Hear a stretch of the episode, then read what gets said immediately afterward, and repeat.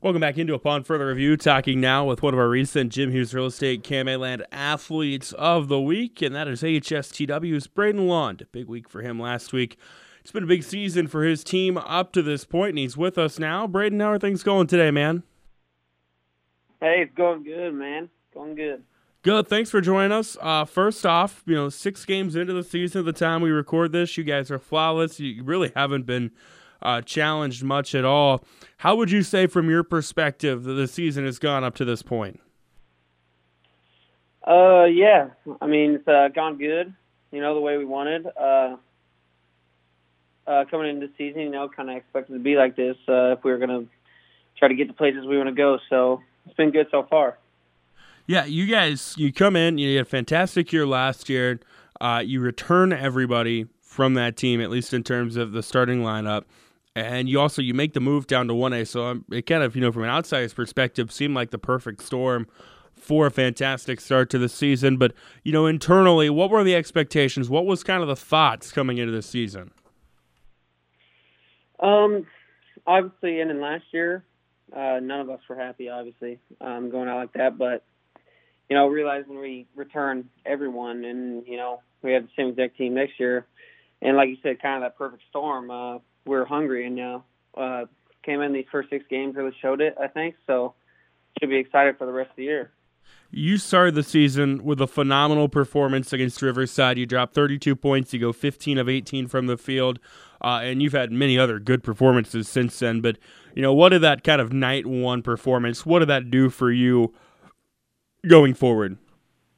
Uh, obviously, it gave me all the confidence in the world, but uh, uh, really gave me confidence uh, in this team a lot. Uh, all of us were so excited to play. Like, I mean, we were playing that game. I didn't even have a clue I had 30 plus points because I mean, all of us were kind of sharing the ball and having fun. You know, that's just kind of our thing. If we go out there and have fun and play like we can, uh, we can beat anyone. I feel like so.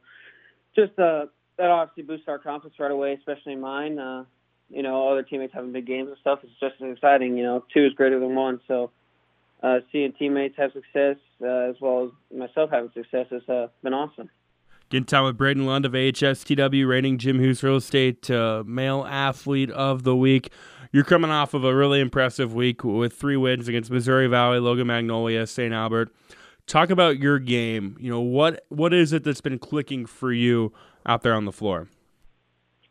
Yeah, uh, I feel like uh, my game's always kind of been more inside. So uh, this off season and kind of last year, I've been working on that outside game more. You know, shoot more outside the arc, uh, mid range and stuff. So I feel like that so far this year has been uh, helping open other stuff up. Knocking down shots from outside can help me, you know, get my inside inside game going. You know, just being able to complement off of other stuff within my own game as well as my teammates. So, yeah very talented team. Uh, you know, you, yourself, and then you've got Raiden in there that's been playing well. Kyle Sternberg, Cole Scheffler, uh, and a lot of really other nice pieces as well. Speak to the chemistry that you guys have together. I know uh, talking to Coach Harris a couple weeks ago. Uh, you know, he made it a point. You guys have been playing together for quite some time, uh, and you're obviously very familiar with one another. Yeah, that's that's uh, kind of the biggest thing. I feel like when you play with this same group since they're like what I mean first grade, you kind of know exactly what everyone else is going to do before they even do it. Uh, you know what everyone's good at. You know what uh, where other people can hit shots from. I mean, it's just like a well-oiled machine. Um, it's just cool seeing how over time all of us have like adapted to each other's games and we know what everyone's going to do. So we kind of just have fun playing with each other do you guys as a team have you talked much about goals or expectations or what's kind of the approach for that? Uh, this is a team that's playing really well. Uh, you know uh, it's a team that you know i, I think from an outsider's perspective sure, certainly uh, could go a long way but well what's kind of the feel for you guys? Is it something you just try to, to downplay or what's the approach? I mean uh, obviously our goals are go to go a long way you know hopefully make the state tournament but at this in season, I mean, we're six games in. You can't focus too far ahead. You know, can't get ahead of yourself. So, kind of just having that mentality of focusing on the next game and just getting prepared for the next team, whoever's in front of us. That's kind of what our philosophy has always been, and kind of sticking to that has helped us with this uh, great start that we've had, and that we're just going to continue to use that in the future and just take it one at a time, kind of.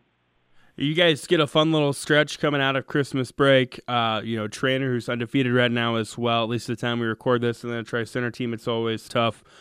What are you guys trying to do over Christmas break to put yourselves in the best position to hit the ground running when action resumes in January? Um, you know, we got a dead week this week, so you know, kind of taking some time on our own to relax and stuff. But obviously, you can't get away from the ball or the gym. You gotta, you know, still find time to get some shots up. And then when we come back, we got uh, a few scrimmages and kind of just getting back in the practice grind, and then time to go, man. Uh, got Treynor right away when we come back. You know, they're always good. Uh, ready for them, definitely for sure. Um, and then yeah, the rest of that week, you know, a lot of tough teams, you teams that you can't you know take lightly because I feel like every team this confidence you take them lightly. I mean that's when they'll hit you the hardest. So yeah, kind of just taking some time right now and then hitting that grind again and getting back to it. It's Brayden Lund of AHSTW. His team off to a strong start. He's off to a strong start as well. Uh, Brayden, thank you so much for the time today. Best of luck going forward. Thank you.